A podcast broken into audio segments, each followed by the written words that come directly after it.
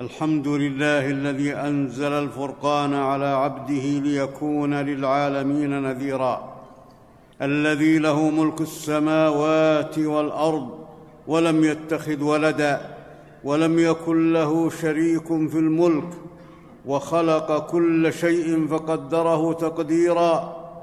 أحمد ربي وأشكره كثيرا وأشهد أن لا إله إلا الله وحده لا شريك له وسع كل شيء رحمة وعلما إنه كان عليما قديرا. وأشهد أن نبينا وسيدنا محمدا عبده ورسوله. بعثه الله بين يدي الساعة شاهدا ومبشرا ونذيرا وداعيا إلى الله بإذنه وسراجا منيرا. اللهم صل وسلم وبارك على عبدك ورسولك محمد وعلى آله وصحبه صلاة وسلاما كثيرا. أما بعد فاتقوا الله حق التقوى تكونوا من المفلحين. ولا تضيعوا أمر الله. فمن حرم التقوى كان من الخاسرين. عباد الله عباد الله اذكروا نعمة القرآن الكريم الذي جعله الله رحمة للعالمين. يهدي للتي هي أقوم ويبشر بكل خير ويحذر من كل شر. قال الله تعالى يا أيها الناس قد جاءتكم موعظة من ربكم وشفاء لما في الصدور وهدى ورحمة للمؤمنين. وقال تعالى وما أرسلناك إلا رحمة للعالمين وإذا وإذا علم المسلم عظمة هذا القرآن العظيم وعلم فضائله التي لا يحيط بها إلا من أنزله. عظمت عنايته بهذا الكتاب العزيز وزاد اهتمامه بهذا الذكر الحكيم فبذل جهده وسخر طاقته وسخر طاقته ووسعه في تعلمه وتعليمه وتدبره والعمل به بقدر ما يوفقه الله ويعينه. ومهما ومهما قام المسلم به من عمل يؤدي به حقوق القرآن عليه ويوفي به شكر نعم كتاب الله عز وجل ويقوم بحقوق عبادة الله تعالى على الكمال والتمام فهو مقصر ضعيف. ولكن الله تبارك وتعالى يرحم ويتفضل ويقبل القليل ويثيب بالجزيل. أيها المسلم أيها المسلم هل علمت وعرفت عظمة القرآن الكريم ومنزلته في قلبك وأدركت تمام الإدراك حقائق فضائله وعموم خيره وبركاته ونفعه؟ لن تعرف أيها المسلم حقائق عظمة القرآن العظيم وقدر منزلته في قلبك إلا إذا علمت تعظيم الله عز وجل لكتابه وثناءه على كلامه ورفع مكانته عند رب العالمين. وإلا إذا عرفت عظيم منزلته عند الملائكة الكرام وعرفت فضله عند الأنبياء وأممهم وعند أهل الكتاب وعند الإنس والجن وكفى بالله شهيدا. أيها المسلمون إن رب العزة والجلال عظم القرآن الكريم ورفع منزلته كما هو أهله وكما يستحق من الثناء بالأوصاف بكل جميل وأكثر الله من ذكر هذا الكتاب العزيز ذكرا جعله في أعز مكانه موصوفا بأحسن النعوت وأجل الصفات ليعلم الناس عظمة هذا القرآن الكريم وليعلموا قدر نعمة كلام الله على العباد فأعظم النعم الإيمان والقرآن. وفضل كلام الله على سائر الكلام كفضل الله على خلقه. وصف الله القرآن الكريم بأنه الحق. قال الله تعالى أم يقولون افتراه؟ بل هو الحق من ربك والحق هو الثابت الذي لا يتغير ولا يبطله شيء ولا يلحقه نقص ولا يشوبه باطل. قال تعالى وإنه لكتاب عزيز لا يأتيه الباطل من بين يديه ولا من خلفه تنزيل من حكيم حميد. وقال تعالى في وصف هذا القرآن كتاب أحكمت آياته ثم فصلت من لدن حكيم خبير. وقال تعالى ولقد جئناهم بكتاب فصلناه على علم. وقال تعالى تلك آيات الكتاب الحكيم. وقال عز وجل بل هو قرآن مجيد. وقال تعالى قل هو قل هو وقال تبارك وتعالى هذا هدى. قال عز وجل هذا هدى. وقال تعالى فآمنوا بالله ورسوله والنور الذي أنزلنا. وقال عز وجل وهذا كتاب أنزلناه مبارك. وقال عز وجل وإنه في أم الكتاب لدينا لعلي حكيم. وقد فصل الله في القرآن كل شيء. قد فصل الله في القرآن كل شيء. قال عز وجل ونزلنا عليك الكتاب تبيانا لكل شيء وهدى ورحمة وبشرى للمسلمين. وحفظه الله من الزيادة والنقصان. قال عز وجل إنا نحن نزلنا الذكر وإنا له لحافظون. وكثرة أسماء القرآن وصفا وكثرة أسماء القرآن وصفاته العظمى تدل على تعدد المعاني الجليلة له وكثرتها. وما ذكرناه قليل من كثير. والملائكة الكرام الملائكة الكرام يعظمون هذا القرآن لعلمهم بفضائله. قال عز وجل لكن الله يشهد بما أنزل إليك أنزله بعلمه. والملائكة يشهدون وكفى بالله شهيدا. وقال تبارك وتعالى عن هذا القرآن في صحف مكرمة مرفوعة مطهرة بأيدي سفرة قال أهل الم... قال المفسرون هم الملائكة. وعن عائشة رضي الله عنها عن رسول الله صلى الله عليه وسلم قال الذي يقرأ القرآن وهو ماهر به مع الكرام البررة. رواه البخاري ومسلم. وأما تعظيم القرآن المجيد عند الأنبياء عليهم الصلاة والسلام وعند أممهم المؤمنين بهم فقد قال في الله في ذلك وإنه لفي زبر الأولين. قال ابن كثير رحمه الله في تفسيره وإن ذكر هذا القرآن والتنويه به لموجود في كتب الأولين المأثورة عن أنبيائهم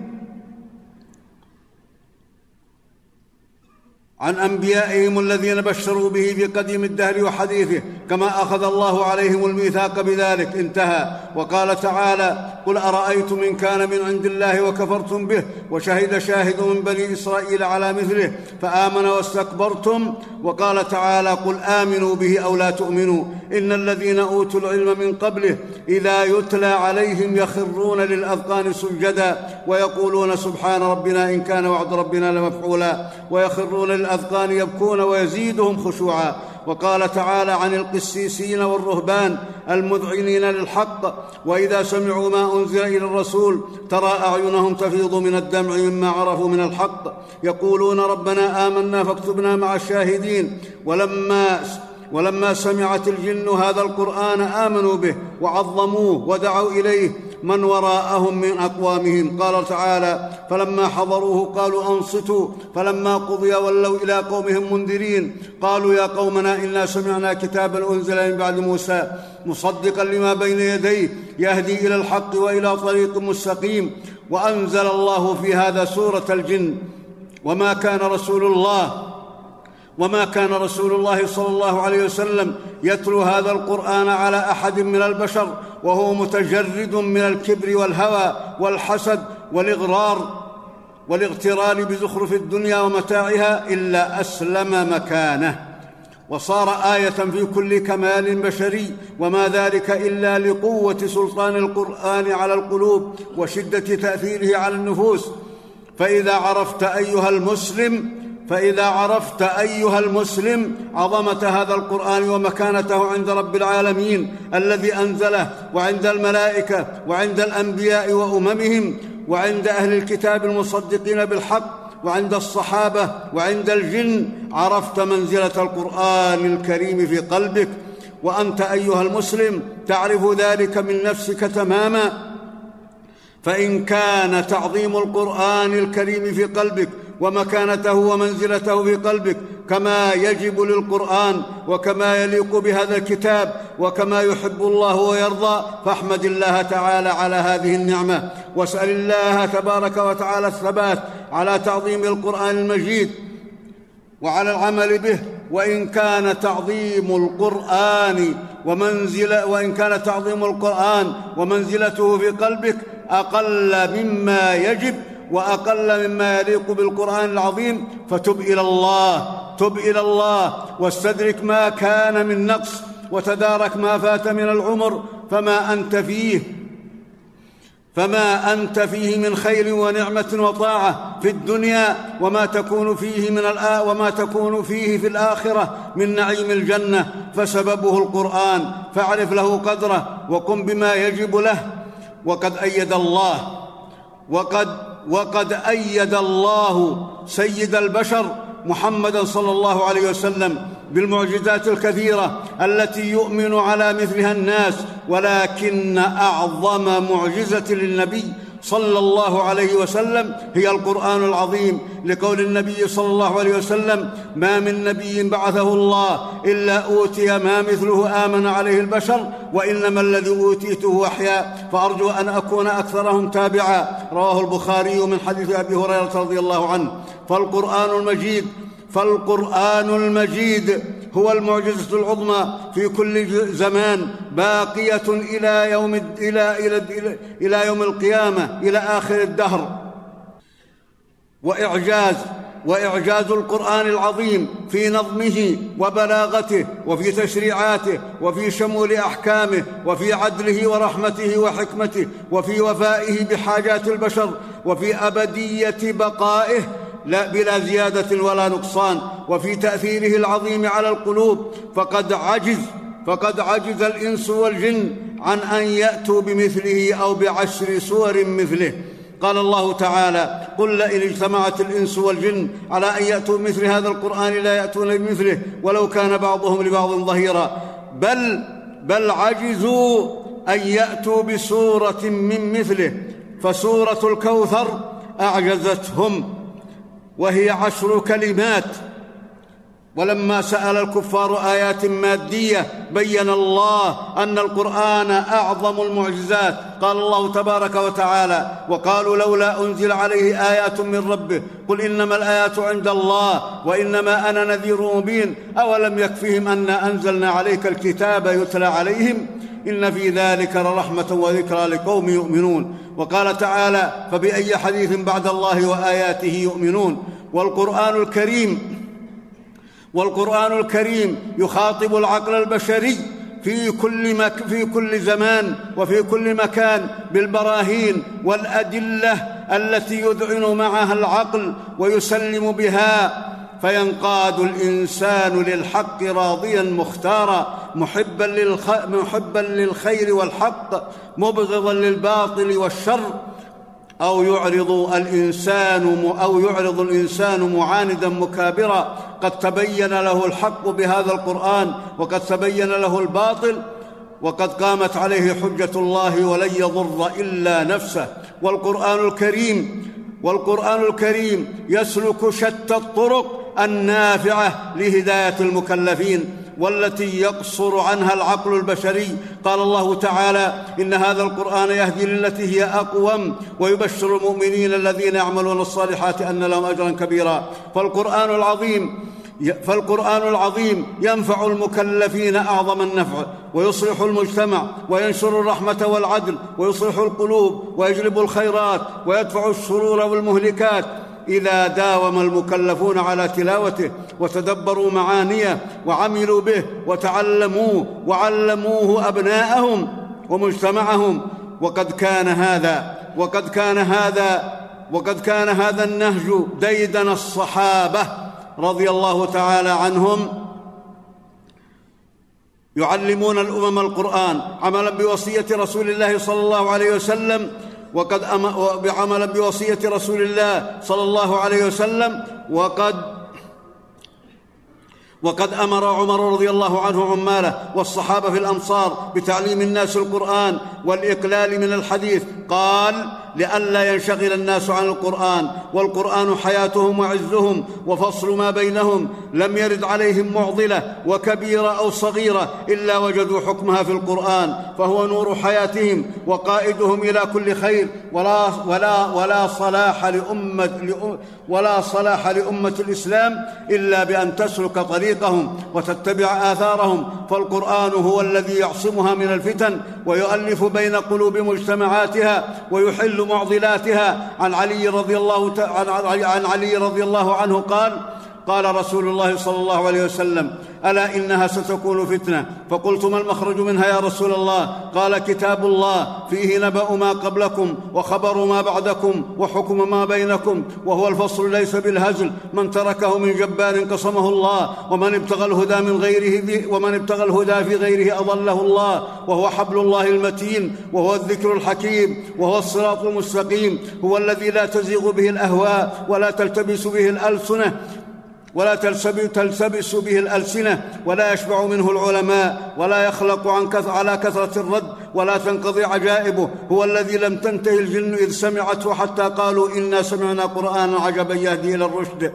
من قال به صدق ومن عمل به أجر ومن حكم به عدل ومن دعا إليه هدي إلى صراط مستقيم. رواه الترمذي. ولو أن المكلفين ولو أن المكلفين اعتنوا بالقرآن كعناية السلف الصالح تعلما وتعليما وتطبيقا لكان حال المسلمين اليوم أحسن حال ولكانوا في عز يسرهم ويسوء عدوهم. ولم ولم تسؤ حال المسلمين حتى دخل عليهم النقص في تعلم القرآن وتعليمه وتلاوته والعمل به والعناية به وقد جعل الله تلاوته.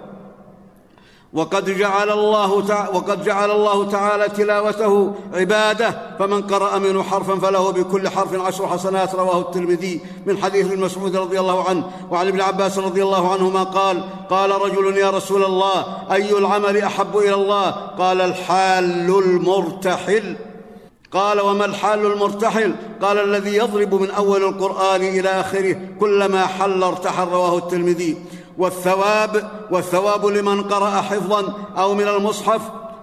قال الله تعالى ان الذين يتلون كتاب الله واقاموا الصلاه وانفقوا مما رزقناهم سرا وعلانيه يرجون تجاره لن تبور ليوفيهم اجورهم ويزيدهم من فضله انه غفور شكور. بارك الله لي ولكم في القرآن العظيم ونفعني وإياكم ما فيه من الآيات والذكر الحكيم أقول قولي هذا وأستغفر الله لي ولكم وللمسلمين فاستغفروه من كل ذنب.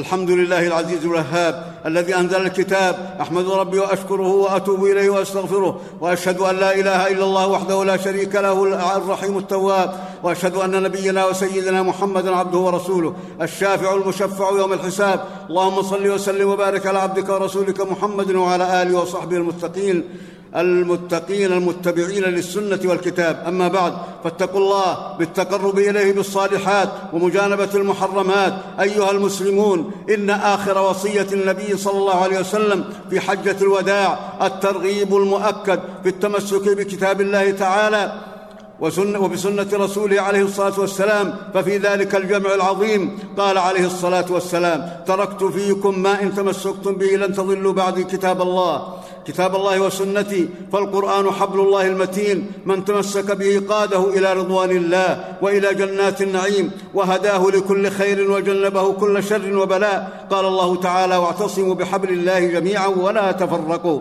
وقال تعالى وقال تعالى وهذا كتاب أنزلناه مبارك فاتبعوه واتقوا لعلكم ترحمون. ومن أراد أن يخاطبه ربه فليقرأ كتابه. عباد الله إن الله وملائكته يصلون على النبي. يا أيها الذين آمنوا صلوا عليه وسلموا تسليما.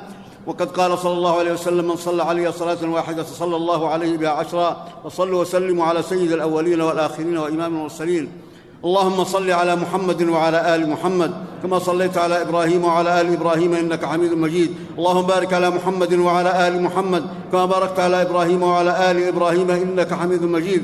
اللهم ارض عن الصحابة أجمعين اللهم ارض عن الخلفاء الراشدين الأئمة المهديين أبي بكر وعمر وعثمان وعلي وعن سائر أصحاب نبيك أجمعين وعن التابعين ومن تبعهم بإحسان إلى يوم الدين. اللهم ارض عنا مع عنا معهم بمنك ورحمتك.